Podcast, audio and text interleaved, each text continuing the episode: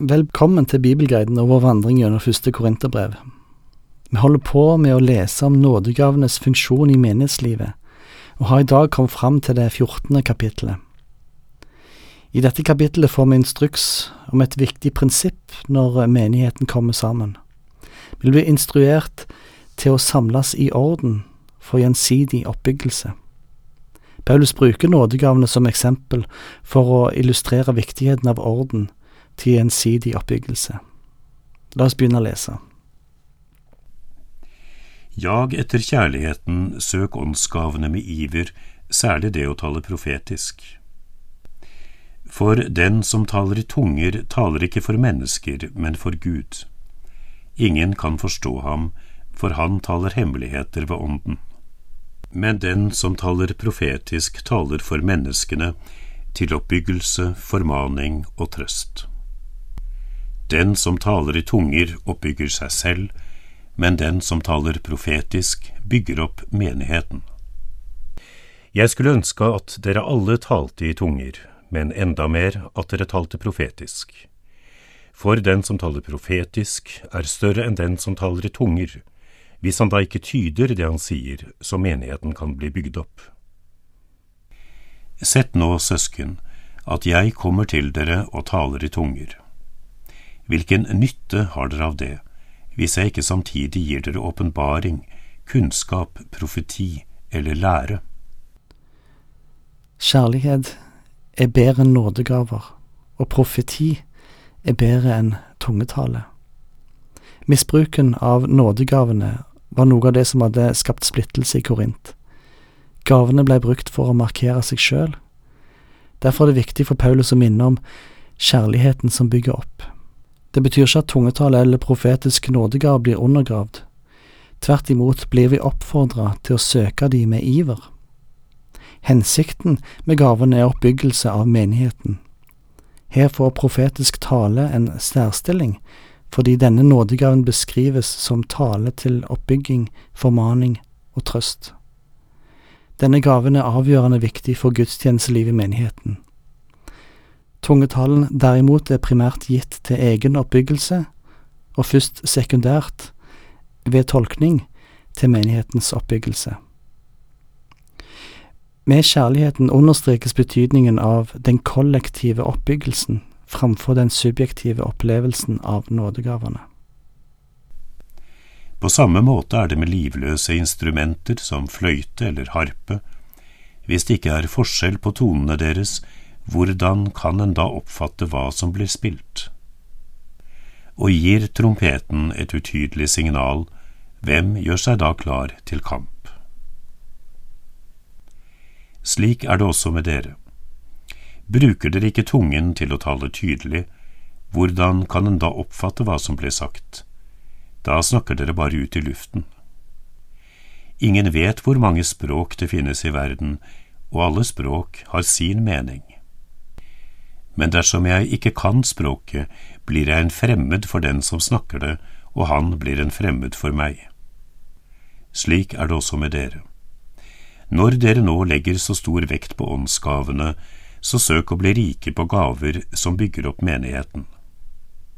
Derfor må den som taler i tunger, også be om å kunne tyde det.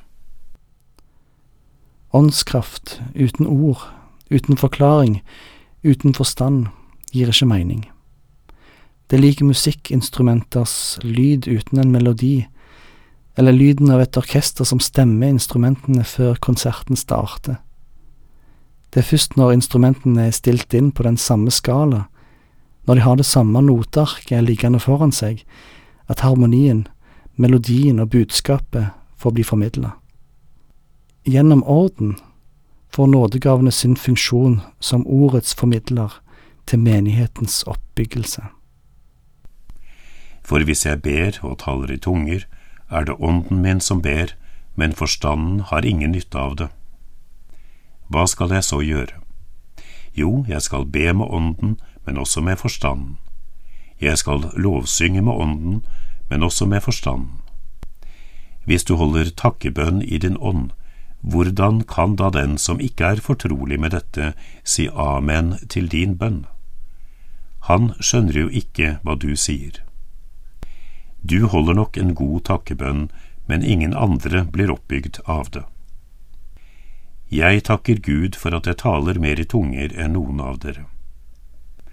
Men når menigheten er samlet, vil jeg heller si fem ord med forstanden, så jeg også kan lære andre noe, enn tale tusenvis av ord i tunger.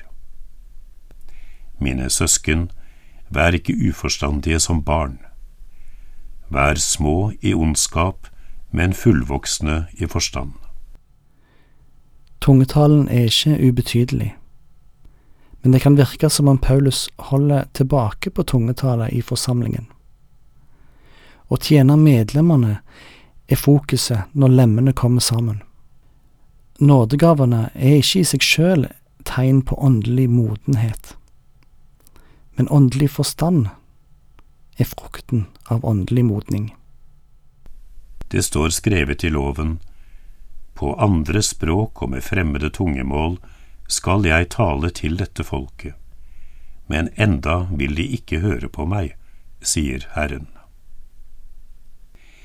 Derfor er tungetalen et tegn, ikke for de troende, men for dem som ikke tror. Og den profetiske tale er ikke for dem som ikke tror, men for de troende.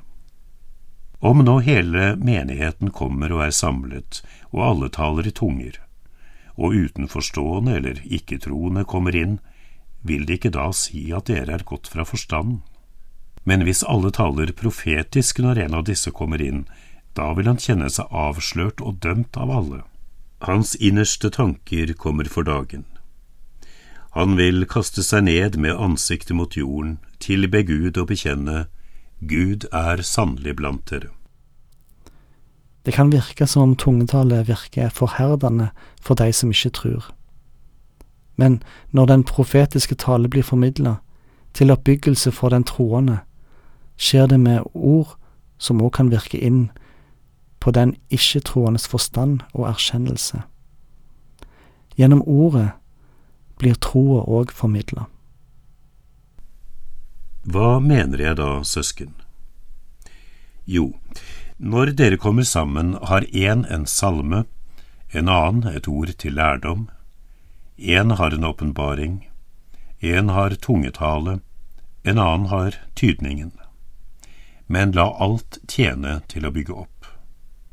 Taler noen i tunger, skal det ikke være mer enn to eller i høyden tre hver gang. De skal tale én om gangen, og det skal være én som tyder. Hvis det ikke er noen til å tyde, skal den som taler i tunger, tie når menigheten er samlet. La ham tale for seg selv og for Gud.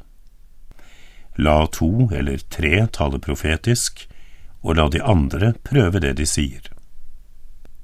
Men hvis en annen får en åpenbaring mens han sitter der, skal den første tie. For dere kan alle tale profetisk, men én om gangen, slik at alle kan lære og alle blir oppmuntret. Enhver profet har herredømme over sin profetånd, for Gud vil ikke uorden, men fred. Hva kom til hensikten med denne utleggelsen. Når menigheten samles til gudstjeneste, så skjer alt med orden, med en hensikt om gjensidig oppbyggelse gjennom de nådegaver som er gitt til forsamlingen. Nådegavens mannfoldige hensikter blir realisert i menigheten om det blir gitt frihet for nådegavenes utfoldelse. Men for at denne friheten skal kunne føre til oppbyggelse for fellesskapet, så fungerer nådegavenes utfoldelse i ordnede former. Et åndsfullt menneske har kontroll på sin nådegave, sier Paulus. Som medlemmer er forsamlingen en organisme med mange lemmer som fungerer som en koordinert enhet. Med kjærligheten som dirigent vil nådegavene harmonere i en melodi som vil bygge opp menigheten. Paulus kommer så med noen formanende ord til menigheten i Korint, vedrørende en annen praksis i menigheten. Som i alle de helliges menigheter skal kvinnene tie når menigheten samles. Det er ikke tillatt for dem å tale, de skal underordne seg, slik også loven sier. Hvis det er noe de vil lære, så la dem spørre sine menn hjemme, for det er en skam for en kvinne å tale i menigheten. Var det kanskje fra dere Guds ord gikk ut, eller er det bare til dere ordet er kommet? Hvis noen mener seg å være profet eller har åndsgaver, så skal han vite at det jeg skriver er et Herrens bud. Den som ikke godtar dette, blir selv ikke godtatt. Derfor, mine søsken, vær ivrige etter å tale profetisk, og hindre ikke tungetale, men la alt gå sømmelig og ordentlig for seg. Det kan virke som det er forskjell på når husfellesskapene, oikos, og når menigheten samles, eklesia. Tidligere i kapittel 11 leste vi at kvinner kunne be og tale profetisk under forutsetningen av at hodet var tildekt. Men når menigheten kommer sammen til gudstjeneste, var det kanskje et annet scenario. Paulus begrunner dette i tradisjon, i orden, ved underordning, men òg i loven, det vil si et, et Herrens bud. Paulus er veldig sikker i sin formaning. Dette er ikke meninger som han kommer med sjøl, det er Herrens bud. Det virker som om Paulus er klar over at denne formaningen er kontroversiell, at han vet at samtida, men òg ettertida, vil betvile denne formaningen. Derfor kan det virke som om han avslutter med å si at det er de som måtte mene noe annet, må sjøl ta konsekvensene av det. I det siste verset er Paulus tilbake til hovedtemaet i kapittelet, hvor han oppsummerer med å si at tungetallet har sin funksjon, men viktigere er det å streve etter profetisk tale som gir ord til oppbyggelse.